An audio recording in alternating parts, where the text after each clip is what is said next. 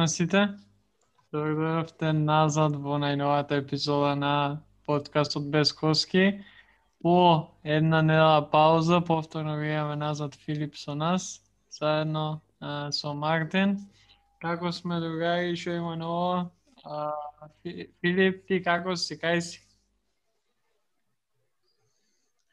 Па сега сум во Македонија, бев во Црна Гора и имав и за испити за полагање, така малку пауза ми требаше и така сега еве сум назад во Македонија, во Прилеп моментално и така еве спремен да снимаме нова епизода.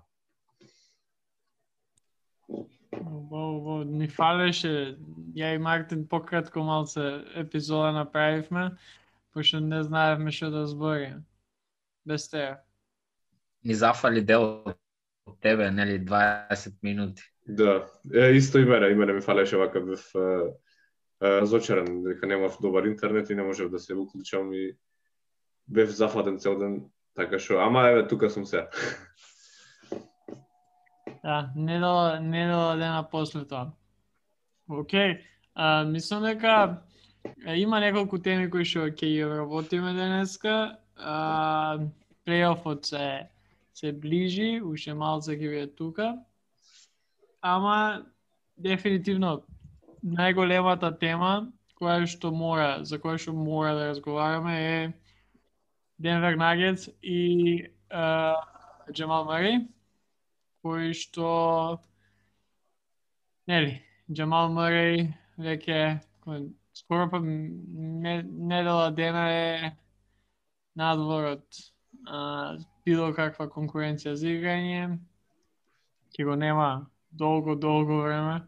А, лигаменти скинати ACL и е, мојата прва реакција беше okay, this is it for, for the Nuggets.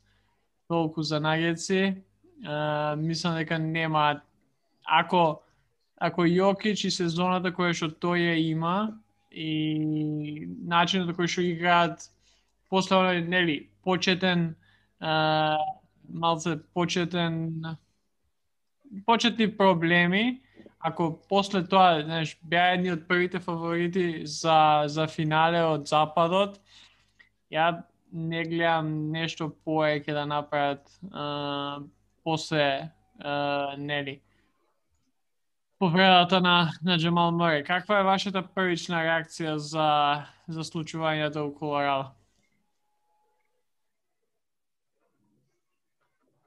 Мојата прва реакција беше а, тажна, бидејќи знам колку им е битен играч. Мислам, прво и за самиот Джамал Мари што ќе пропушти една сезона и е тешка повреда и не знаеме како ќе се одликува таа повреда на неговиот понатомошен развој на кариерата.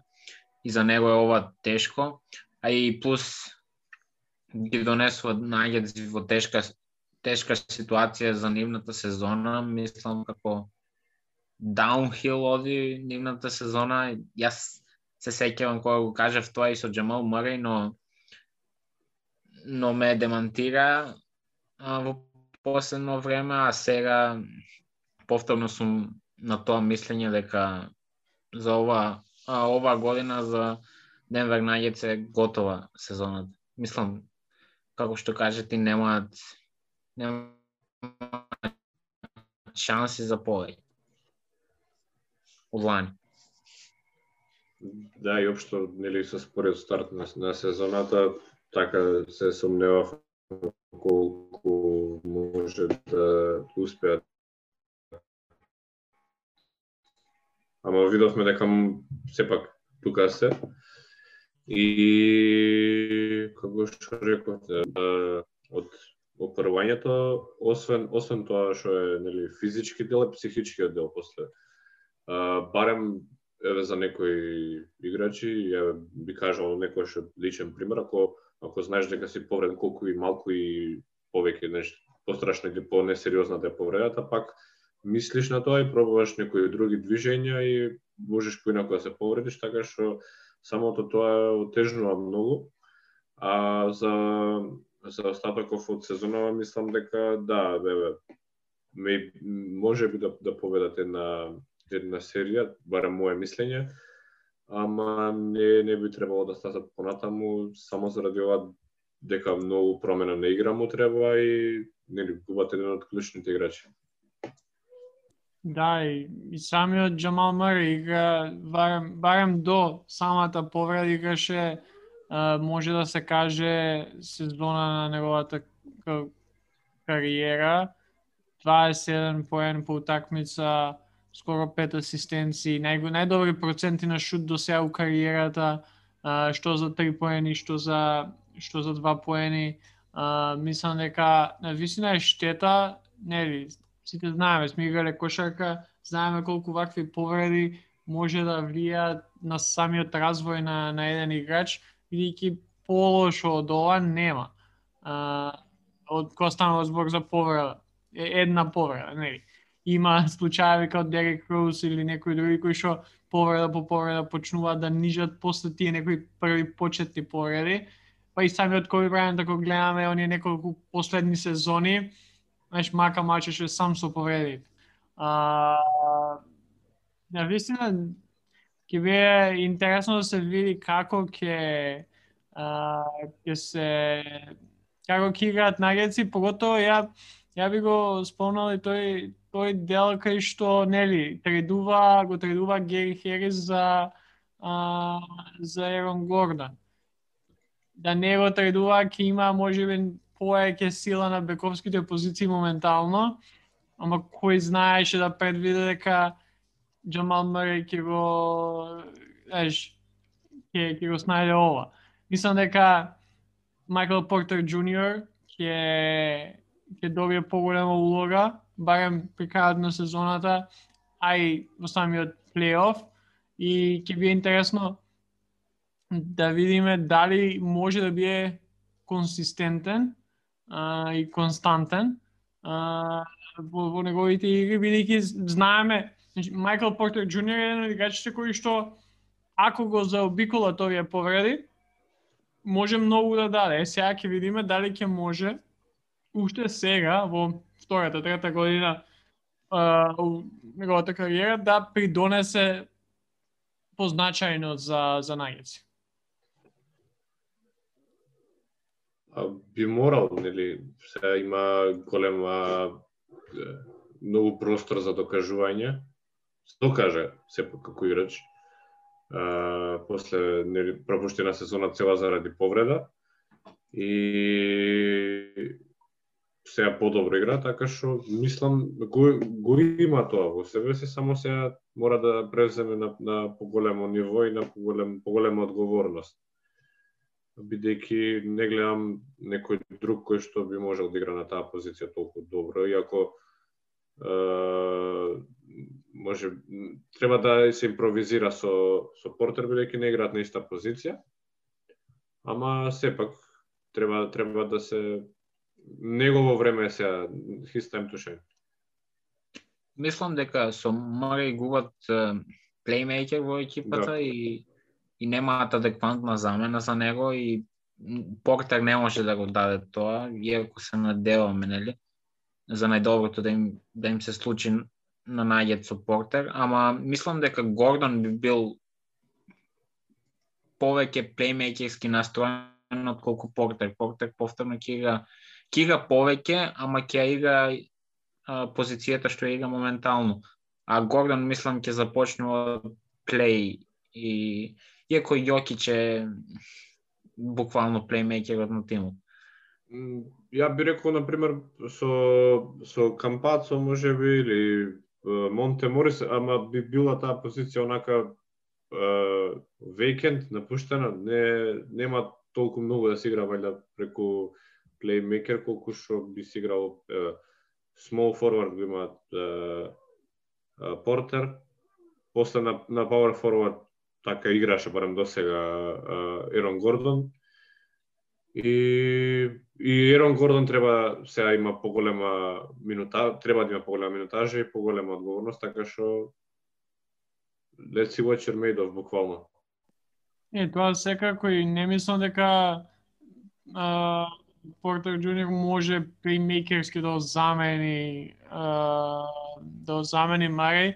не сметам дека има такв таков играч, освен може можеби Кампацо, ама а, проблемот е минутажата, проблем, работава е со Да. поените. Ако Майкл Портер Джуниор може да покрие и покрие оние, знаеш, барем мал дел од а, поените кои што ќе дојдат од од а, од Маре или кои што Маре сам ќе се искреира, тоа е плюс. Тоа го, знаеш, барем покриваш еден, еден дел од од она што од она што го губиш со повредата на Маре и го имаш Јокич кој што не верувам дека ќе падне а, со темпото на игра и може уште поеќе да, да, да ти дае. А, ќе би интересно да се види како Малон ќе ќе го вклопи целиот ростер, иако пак ќе кажам не верувам дека може нешто поеќе да направат од прва, втора рунда максимум. А, тоа ќе зависи нели со кој ќе играат. Моментално а, моментално се пред Лейкерси. Тука некаде четврто, пето место ги гледам да завршат до крај на сезоната кај што играат против Лейкерс или против Портланд или против некоја таква екипа во прва рунда, кај што ќе се види како и што ќе биде понатаму. Да, и Монте Морис би можел да добие по поголема минутажа. Мислам дека Майк Малон го користи повеќе Монте Морис од Факундо Кампацо. Ама мислам дека би можела да биде поделена. Факундо Кампацо ми има позитивно изненадено на некои од, од утакмиците и мислам тоа што сме го виделе во Евролигата за Реал Мадрид што го правеше и, и на светското првенство, мислам дека би заслужува шанса повеќе за- мене. Ја лично, ја лично бев изненаден колку само малце а, колку само малку му се дае шанса на почетокот на кампацо. Као, не знам дали се сеќавате, ама кога прв пат зборавме за некои од проблемите на Денвер, а, некаде таму две, три, четири недели во знаеш, после почетокот на самата сезона, Кампацо уопште и да не играше и тогаш тоаш после тоа некаде доби малце поголема поголема улога кај што а, не знам, еве сега му ја гледам минутажата, на вистина првите недела две малце му требаше да се избори уопште и да игра, за после тоа да се склопи некоја солидна минутажа. За сега да мислам дека е на, на 19 минути по утакмица. Секако од него а, не можеш да очекуваш премногу поени, ама очекуваш некој кој што може да ја смири играта, кој што може да ја постои а, играта, да, знаеш, да, да организира напад, и да му ја даде топката на Јокич и да Јокич да прави што сака, реално.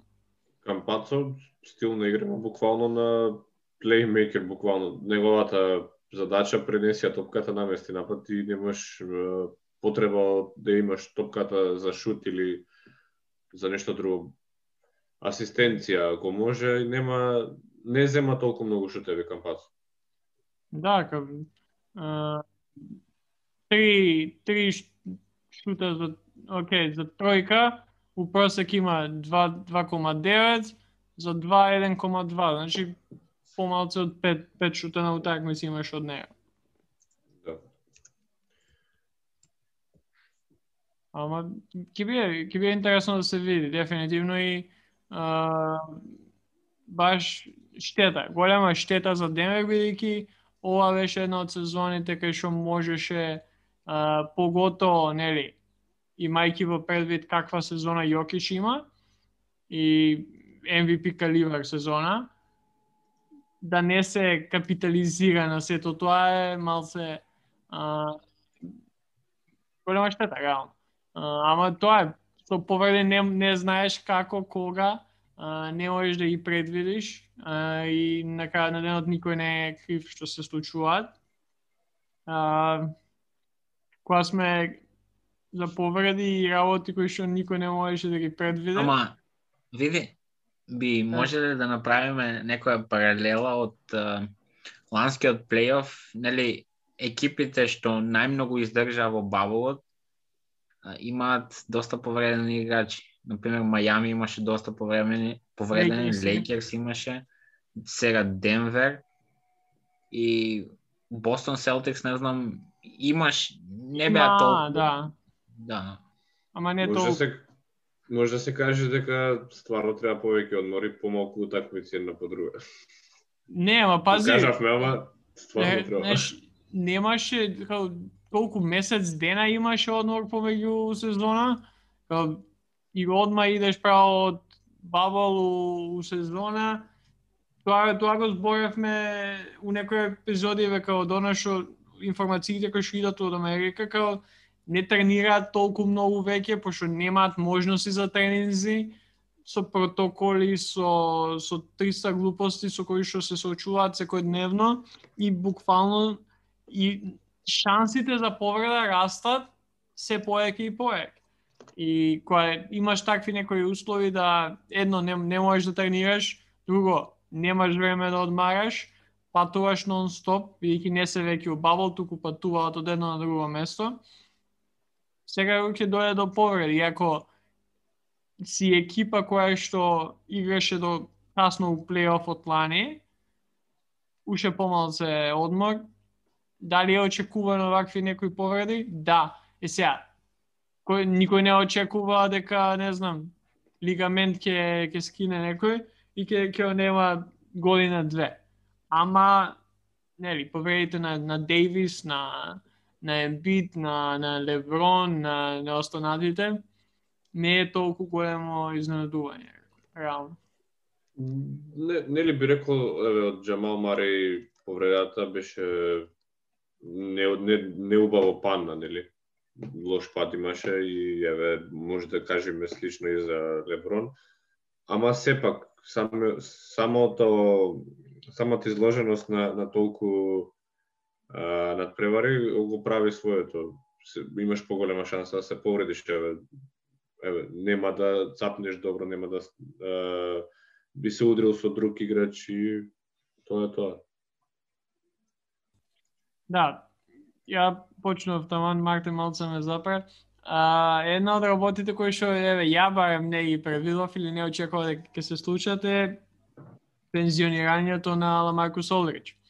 А, имено нешто слично ако знаеш се сеќаваме на случајот на Крис Бош, а, проблеми со очукување на срцето, а, после утакмицата не знам против кој беше, не ми текнува сега ама беше на 15 април, така што утакмицата ден пред тоа, каде што Ламаркус Олдрич излезе со едно крат, краток текст а, и изјава дека толку е, не може поеќе.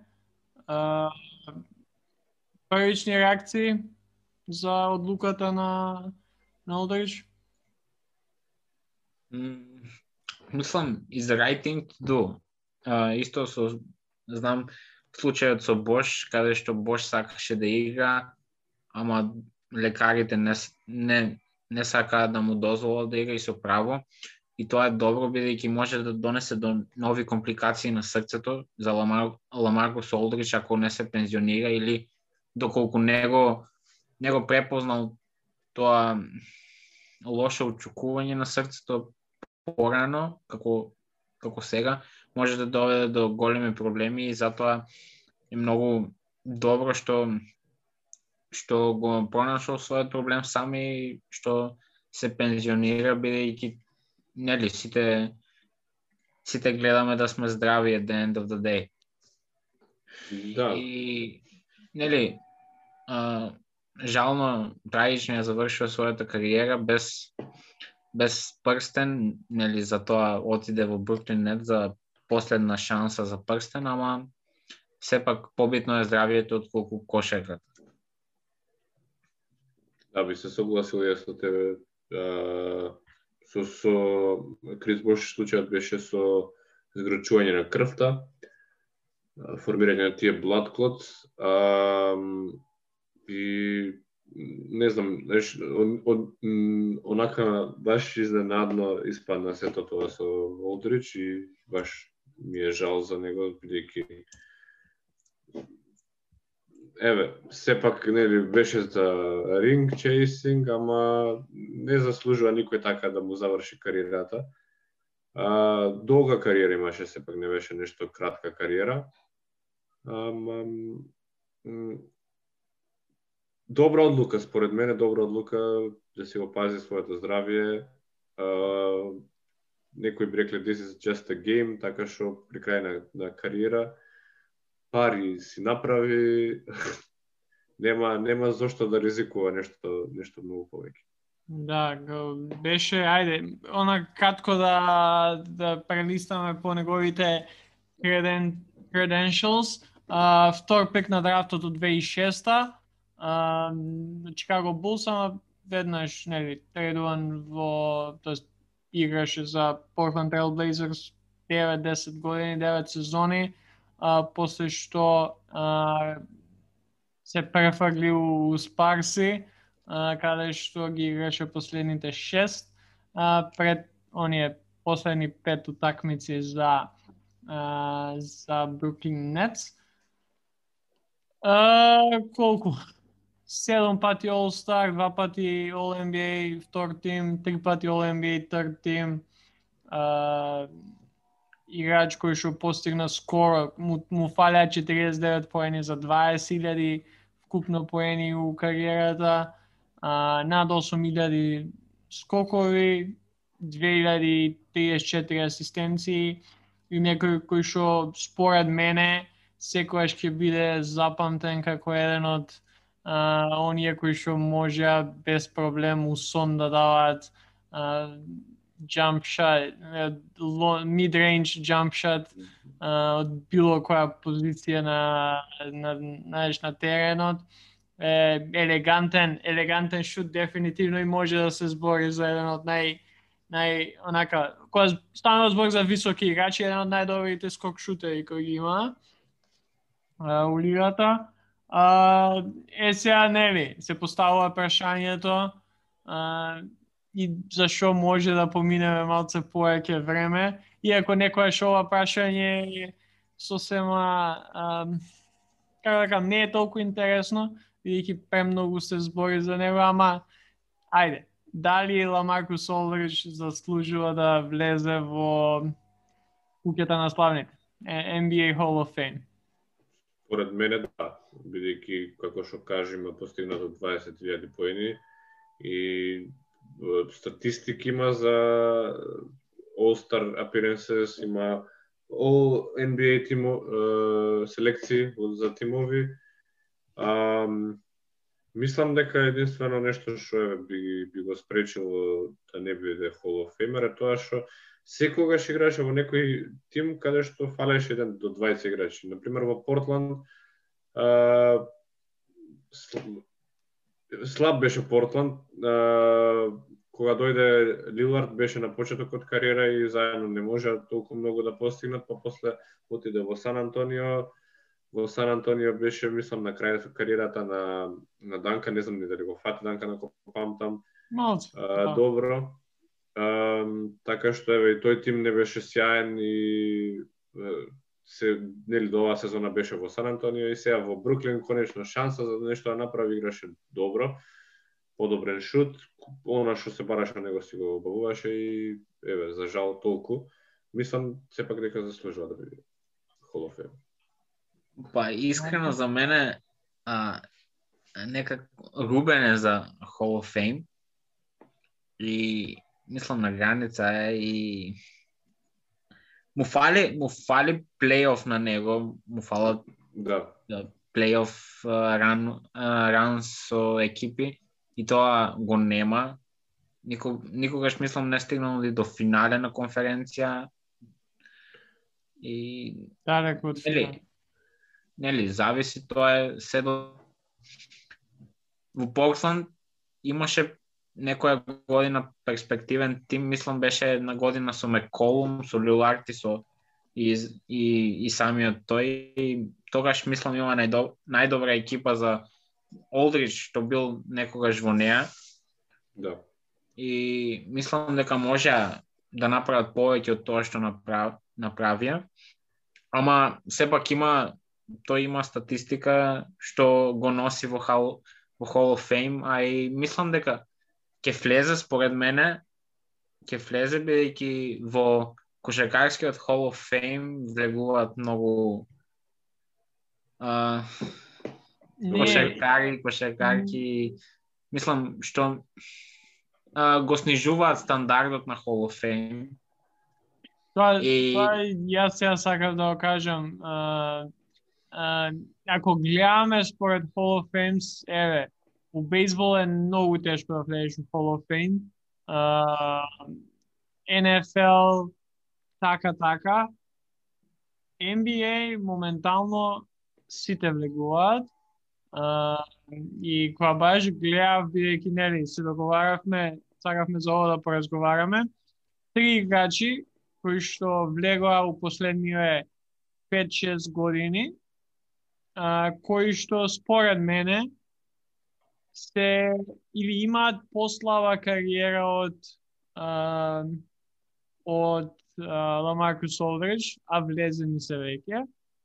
Првиот е Грент Хил, кој што може би у, у неговиот у неговата најдобра сезона бил подобар играч од кој што Ламаркус Олдридж бил као ако споредуваме пик врв на кариерата, нешто слично и со Трейси Мегрейди, као не верувам дека Трейси Мегрейди е послаб играч, ако еден на еден играч со Маркус Олович, ја би го избрал Трейси Мегрейди. Ама ако гледаме longevity, и Грент Хил, и Трейси Мегрейди, и Јао Минг, помалку се заслужува да, да влезат у, у Hall of Fame-от од Маркус Олович. Така што ако гледаме логички и следствено, нема шанса Ламаркус Олович да не влезе и да не заслужува да влезе. А, поеќе поени има и од тројцата, освен чека да имам Трейси Мегреди, и од Трейси Мегреди, Јао Минг скоро па двојно поеќе поени. А, тука се некаде сите со All-Star uh, All-Star учества со All-NBA second и third team. Мислам дека само Мегрейди има uh, окей, Грент Хил има една, Мегрейди има две All-NBA first team. Ама кога збориме за плейоф учиноци, ниту еден од овие uh, четворица нема ништо позначајно направено у плейоф. Така што според мене и според начинот ова се базира на начинот на кој што до сега шакарската куќа на славник функционира. Е сега, и може да навлеземе во дискусија дали и четворицата заслужува да бидат таму, ако правиме оне споредба на најдобри играчи во историјата на, на NBA лигата, ама според овие некои а, овие некои факти и а, бекграунд информации, no-brainer е дека Ламаркус Олдрич заслужува да биде у Hall of Fame. Да, само сакам да а, погледнам и на другата страна од од тие играчи што ги кажа. Сите играчи се по-лайкавал играчи од Ламаркус Олдрич и на некој начин повлијателни играчи од Ламаркус Олдрич. Например, Јао Минг, иако има доста послаба кариера од Ламаркус Олдрич, е многу влијателен играч поради поради тоа што е од Кина и и само самиот маркетинг на NBA во Кина. Затоа, мислам, за тоа и, и е во Hall of Fame, а Трейси Мегреди и Гран Хил ги а, ни се посиноними за кошарка отколку Ламаркус Олдрич. Ламаркус Олдрич секој пат во својата кариера е бил повеќе во сенка на јавноста и на медиумите отколку што сите тројци играчи ги наброја. Да, ама, ама збориме за, за подобра кариера, збориме за подобра не збориме за, за какво влијание имале врз кошарката. А, затоа, например, не го спомнав Дивац. Дивац смета дека заслужува повеќе од било кој од овие да влезе во Hall of Fame заради успехот со репрезентација, заради кариерата во NBA лигата, која што може би послава од Ламаркус Олрич, ама успесите на Дивац со со прво нели Југославија, после Србија се многу позначени, многу поголеми од било кои успеси кои што било кој од овие четири играчи ги има. А, ама кога бидејќи нели, сепак на крај на денот е целосна кариера. Ако гледаме така, Јао Минг со Кина нема ништо направено, освен што има земано неколку, а, деве, баш сега гледам, а, FIBA Азија купови. И тоа дали го има освоено а, со нив.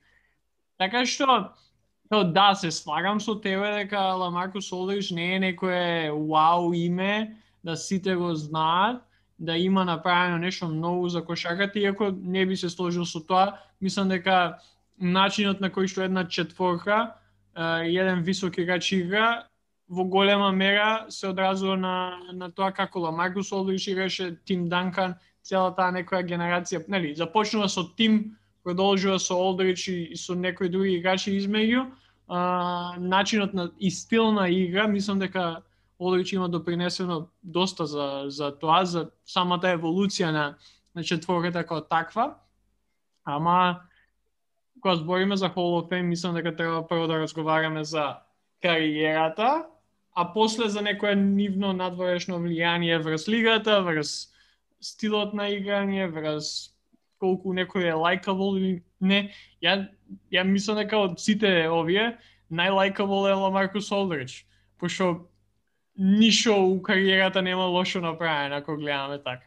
Нити е некој коки играч кој што, нели, се, се прави многу важен или било што. Туку едноставно човекот дојде, си играше, си даваше 20 плюс поени, имаше 10 плюс скокови, скоро, еве, сега баш гледам, голем дел од знаеш, неговата кариера, дабл-дабл учинок, Види, ја не би се согласил чисто заради тоа што не знам, ја Минке легенда, како не знам, самата висина која што имал е... единствена причина е да кажеме зошто Јао Минг не би влегол во не треба да влезе во Hall of Fame заради кратката сезона, се кариера, се извинувам, заради тоа што огромен играч колку што е, колку беше мислам дека 2.25, така нешто.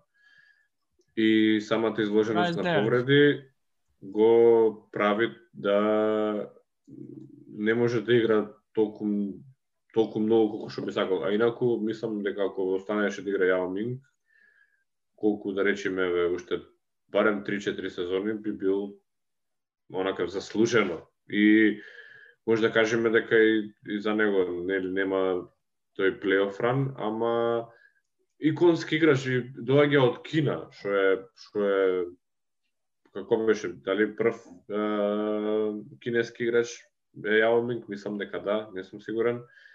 Самото тоа да се пробие до NBA мислам доволно за да биде во, во Hall of Fame. Не, да не се не, е па, е па поради тоа, Само само да кажам као сметам дека Јао Минг треба да биде во Hall of Fame. Ама Не, не, не, не. дека, Нели, Олдрич има подобра кариера од Јао Минг како збориме. Јасно, јасно, јасно, јасно. Споредуваме. Да, јасно, не ја кажам зашто така мислам. не, јас според некој мој стандарди на Hall of Fame, јас од сите четворица не би ги ставил ни, ни, ни сите четворица во Hall of Fame, ама веќе која е спуштена ли, а, мислам ова линијата многу ниско, тогаш би ги ставил сите четворица во Hall of Fame. Не, па тоа е, као, И- едноставно проблемот е како до сега функционира Hall of Fame. Знаеш, а, не е Hall of Fame веќе, веќе ја би рекол дека е Hall of Very Good. А, има така а, сите влегуваат, нема некоја, знаеш, конкуренција за тоа, знаеш дека еве Крис Буш уште нема влезе, ама и он ќе влезе. А, ќе влезат и некои други играчи со него и после него. Не е некој не е некој, знаеш, успех е у Hall of Fames. Као, sure, да, успех е, ќе ќе ќе збориме за за за нив некое време, ама ама споредено со со некои други достигнувања у кариерата што можеш да ги доеш Hall of Fame веќе не е на тоа, знаеш, прво место кај што е ова е Hall of Fame играч.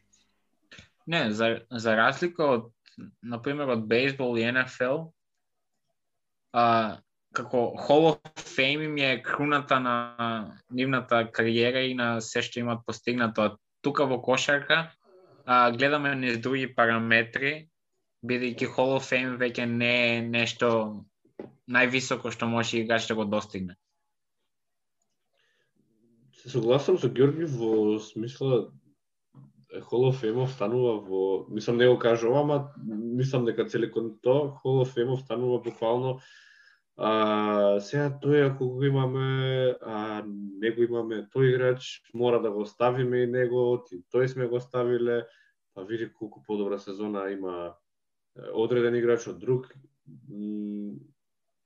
Не знам, да, многу се се спуштени, многу се спуштени таа таа границата да да кажеме, кој треба. Ма тоа е која кога ги спуша стандардите за еден, двајца играчи, после тоа се, знаеш, се после него као кула од карти паѓа, као мора и они да влезат. Мора Као, мислам да еднаш зборевме за тоа дали Дино Раджа или Тони Кукоч заслужува да бидат у Hall of Fame. Секако дека да. А поготово ако гледаме од денешна перспектива. И на вистина чудно е зашто Тони Кукоч уште последен ќе влезе или на вистина е смешно како функционира. Еве ќе ви дам пример бейсбол. Као Бери Бонс, Бери Бонс е можеби најдобриот да играч што некојаш играл бейсбол во историјата на на бейсболот во Америка. Можеби Бейт Брут, ама кој го има гледано Бейт Брут од 20-тите, 30-тите години а, на минатиот век. Бери Бонд се уште не е у Hall of Fame, иако помина десетици години од кога се пензионираше, поради тоа што оние што гласаат за Hall of Fame, и, и за ова може да направиме увод како уствари се влегува Hall of Fame. Во бейсбол гласат uh, бейсбол uh, оние што пишуваат за бейсбол.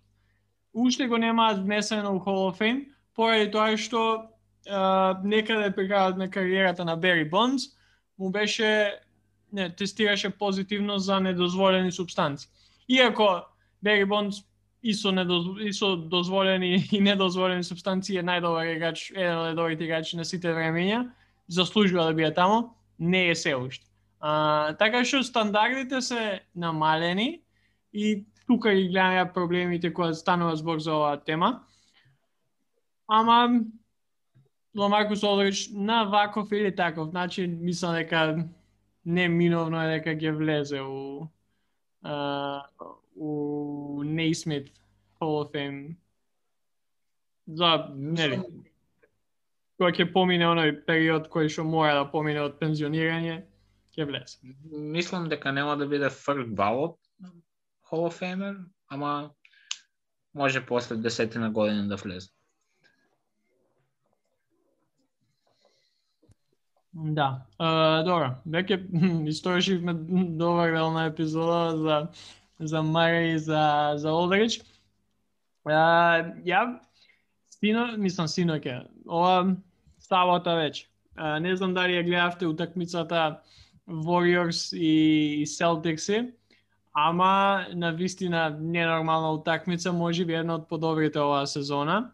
На кај Celtics и победија, ама она што за мене најголем впечаток ми остави се настапите на на Стеф Кари и на Джейсон Тейтум. И баш по Твитер, пошто ја слеам доста репортери и новинари а, од Масачусетс поради Ред Сокс. имаше едно прашање кое што мислам дека е многу добро прашање, не ви го кажав ова пред снимање, пошто сакав да онака првична реакција да ви, да ви видам. Кој би земале ако сега бирате помеѓу двајца, да ви бидат носители на играта у следните три години, ако бирате помеѓу Стеф Кари и Джейсон Тейтум. Следните три години. Стеф Кари. Очигледно. да. Ама пази сега, Стеф Кари го имаш со проблеми со повреди и при крај на кариерата. Тейтум само што станува еден од најдобрите играчи у лигата. Да, ама Не ти кажа баш следните три години и следните Да. три години само. Не е при крај толку баш да. на кариера кари, 33, ама не е... Да, ама, ама кај е по, подложен на повреди. Тоа Не знам. замајте го во обзир. Не знам, на мене Кари Уште. ми да на 25 годишен искрено. Да, и мислам дека уште се уште подобар играч од од Тейтум. Барем за сега.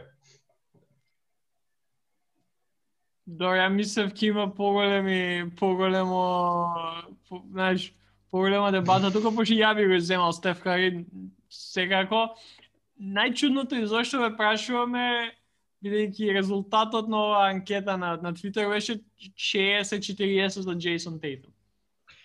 Па да, бидејќи се од Масачусетс валјда луѓето што мислам дека- м, Мислам дека беше ка по онака national, не знам кој точно беше, знам дека беше шерната нели од од голем број на репортери, ама ми беше интересно да се размислува дали дали Джейсон Тейтум конечно е на, на тоа некое ниво или се приближува кон тоа некое ниво.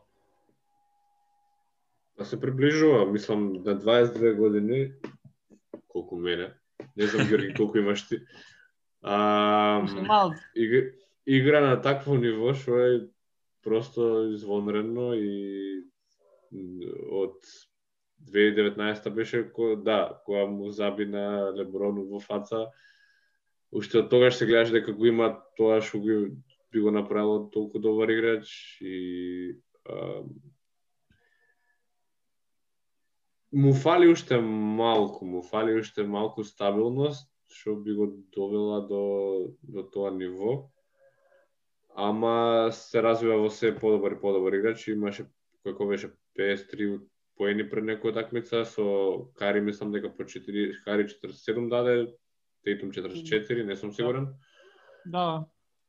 А, да. Во наредните еве, 2 до 3 години треба веројатно се би почнал да навлегува во неговиот праим, да кажем така.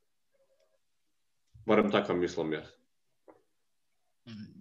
искрено мислам дека Кари би може да ја да го држи овој левел на игра наредни три години и и затоа би го одбрал пред пред Джейсон Тейтум, бидејќи не знам, Кари Кари знае да игра сам пред се, нешто што од Джейсон Тейтум сме го виделе, мислам како сам да ја носи екипата за со на 50 на 50% победи во сезона не сме го виделе, нели? Он има подршка од доста добар тренер пред се и многу талентирани играчи околу него.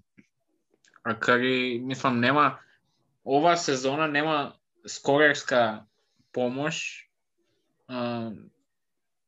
Мислам, има Вигинс и Убре, ама неколку што има, например, Тейтум и А екипите им, мислам, Warriors може да се каже дека е многу близко до Бостон Celtics, иако Бостон се на повисоко место во источна конференција и нели емотивно сум повеќе поврзан со Кари и би го избрал него. Да, се согласувам со двајцата и само би надополнил дека после утакмица со со Celtics Кари ја имаше тоест ја игра својата седма сезона кај што има дајано барем 250 тројки, а, седми пат у кариерата, што е ненормално. А, моментално има 250, Бади Хил е следен со 222.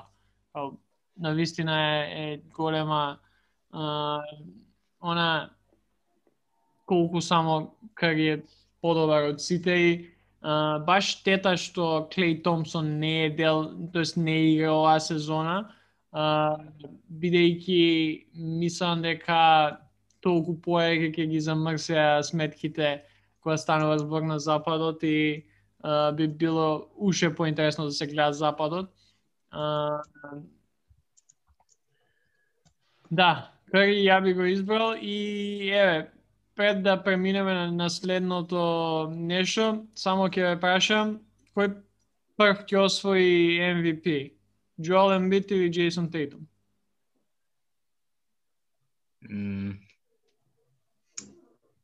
Джоел Ембит. Хм, ова е интересно прашање. Да, да, да, и не е толку лесно да се На одговори. на прва ќе помислиш дека е Ембит, ама после која ќе ти текне дека Ембит секогаш може да се повреди,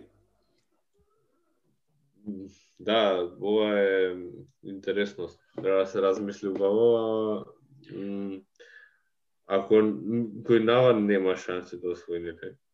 Барем не гледам Нема. за сега. не, Нема. и двајцата мислам дека нема. Не, Джоел Ембит да игра да ги играше, да не се повредеше, нели? Би, би бил во мислам дека би бил колку толку во трка за MVP. Ама сега го инава заради повредата не. А, не знам, ајде малце конфликт да речем Джейсон Тейтум. А види, види, Ембит влегува моментално во своите прайм години Да. и а Джейсон Тейтум е уште далеку од своите прайм години. Уште, да. И прашањето беше кој побрзо ќе има шанси и за тоа мислам Ембит поради тоа што сега му е моментот на Ембит во максимална снага да покаже се што може. Да, да, да, се согласам со тебе, да. А, не знам, јас ја- така мислам лично. Ја, ја, ја би го избрал Тейтум, токму само поради факторот повреда. Па добро, Ембит е пол, подложен многу повеќе од Тейтум на повреда, ама нели се надеваме на, Не, тоа сега е сезона ама, без повреди. апсолутно, no doubt, no doubt about it. А, Мартин, ти имаш прашање? Па да, е уште едно интересно прашање. Дали мислите од сите skills што ги имаат сите играчи past and present, дали мислите дека шутот на Стеф Кари е најдобриот скил што некој играч го поседува? Моментално збориме или Целосно. целост?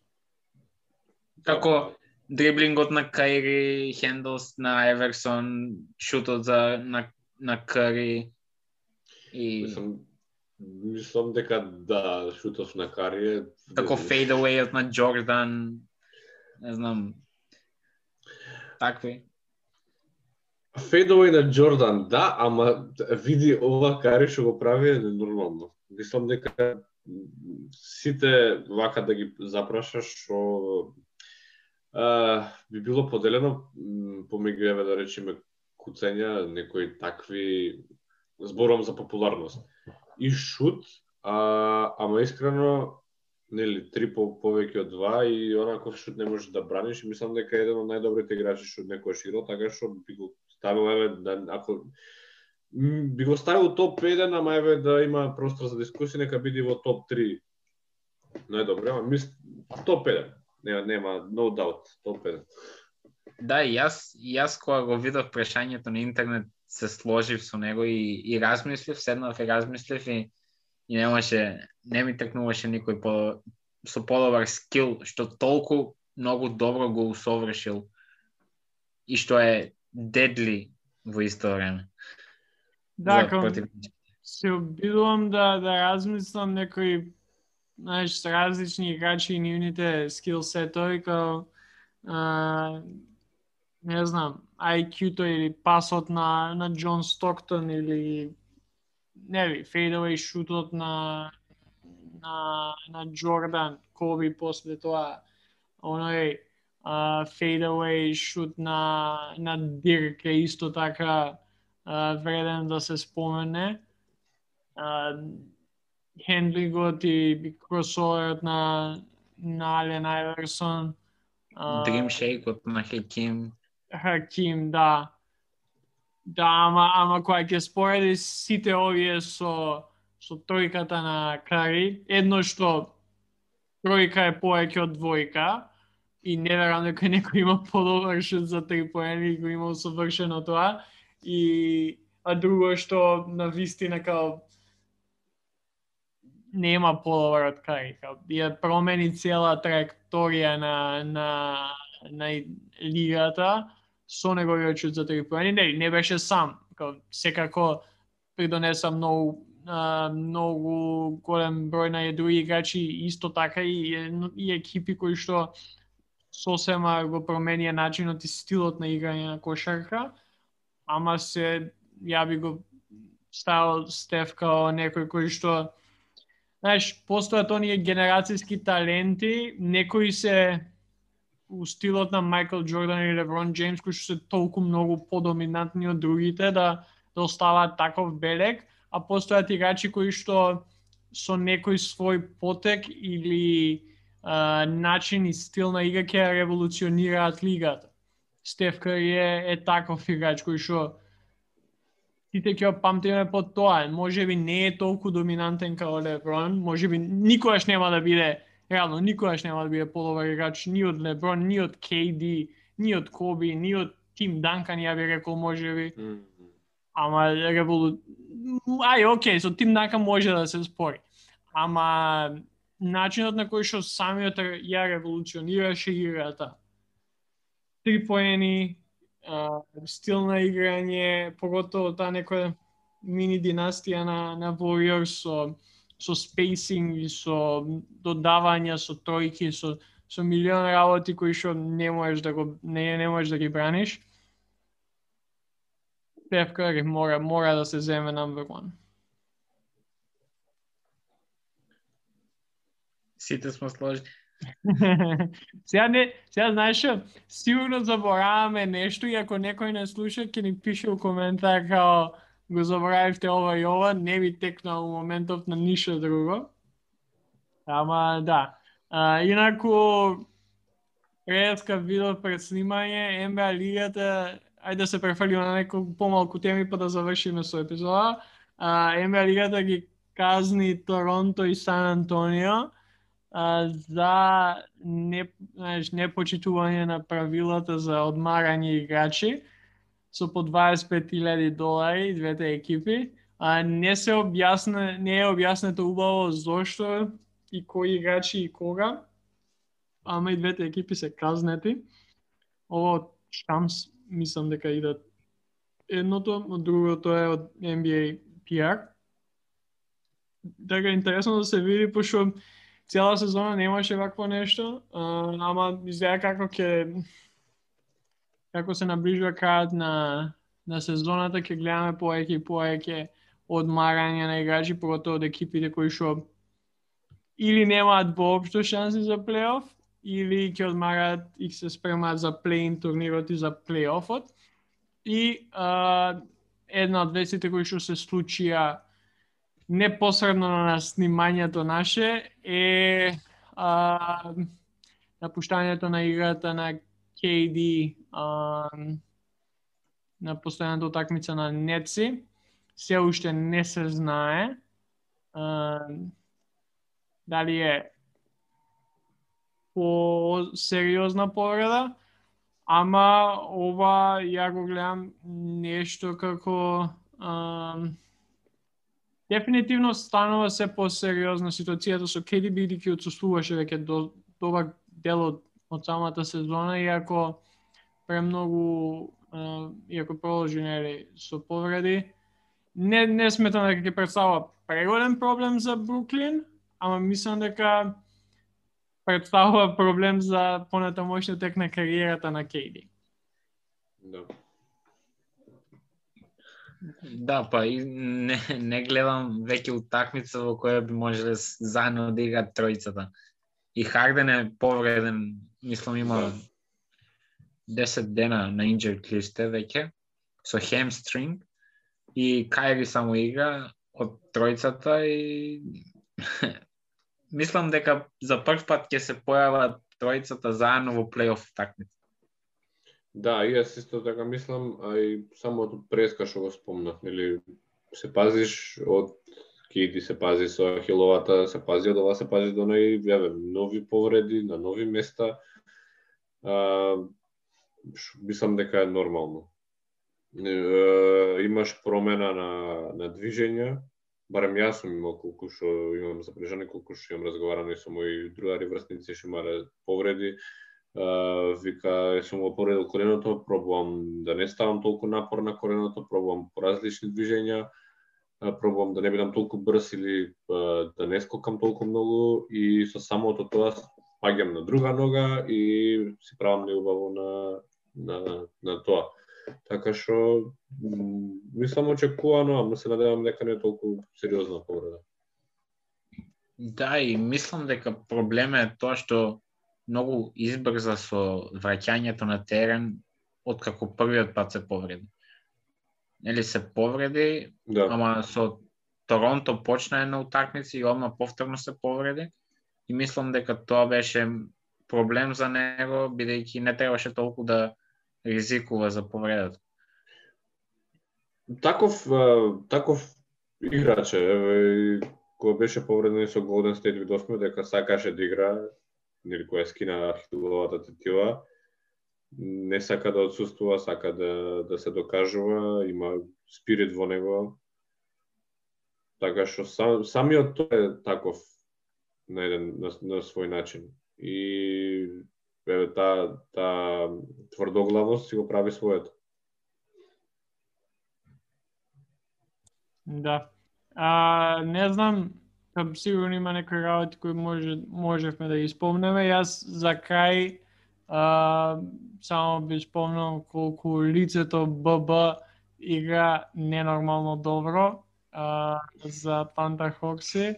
А, Богдан е на вистина у, у серија на утакмици кај што еве пред снимањето ги победија и на Пейсерси, кај што четврта утакмица поред му е да има 20 поени и поеќе.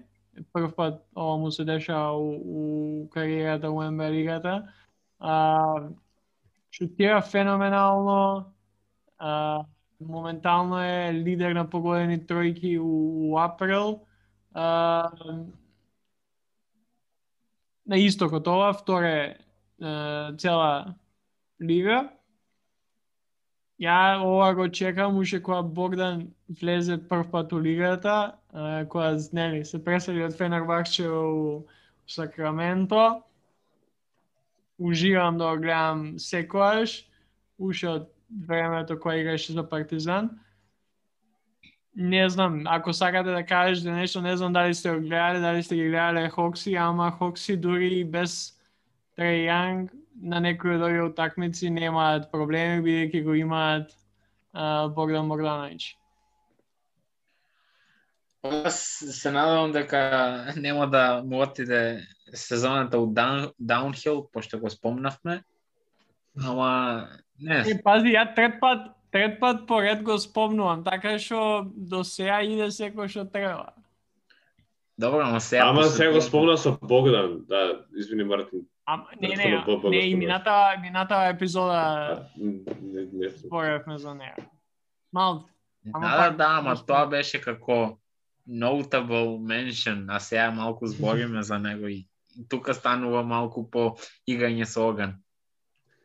Ако, значи, ако после епизода Богдан има лоша серија, ја не, не се, не снимам подкаст до почетокот на плейоф.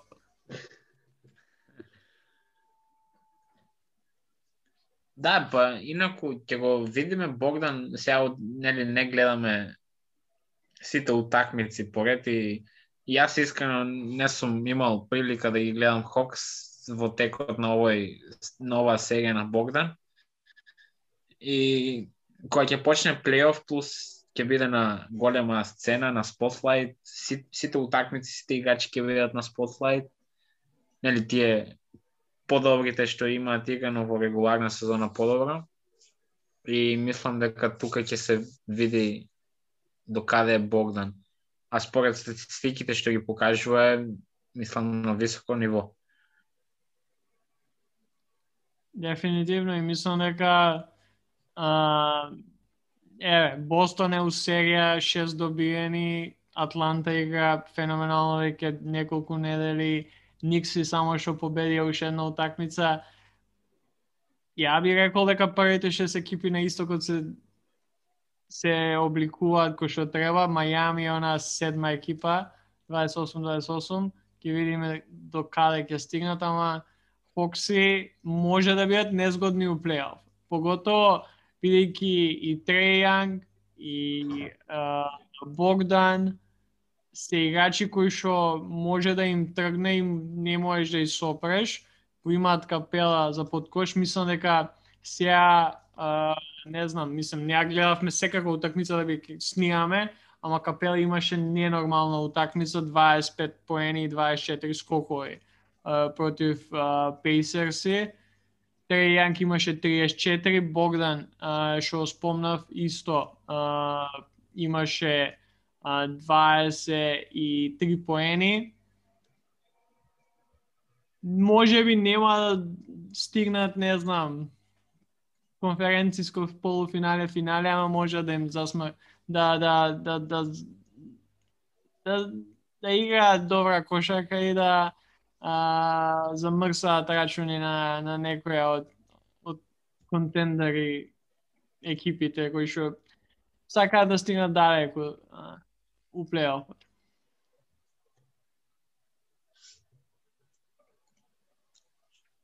Добро, мислам дека овде може да завршиме.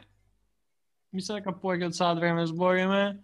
Uh, следниве неколку епизоди може да се фокусираме повеќе и да почнеме нели со uh, да поразговараме и за плейн турнирот и за екипите кои што ќе се најдат у него и за голем дел од останатите работи кои што ќе бидат интересни да се гледаат у плейофот.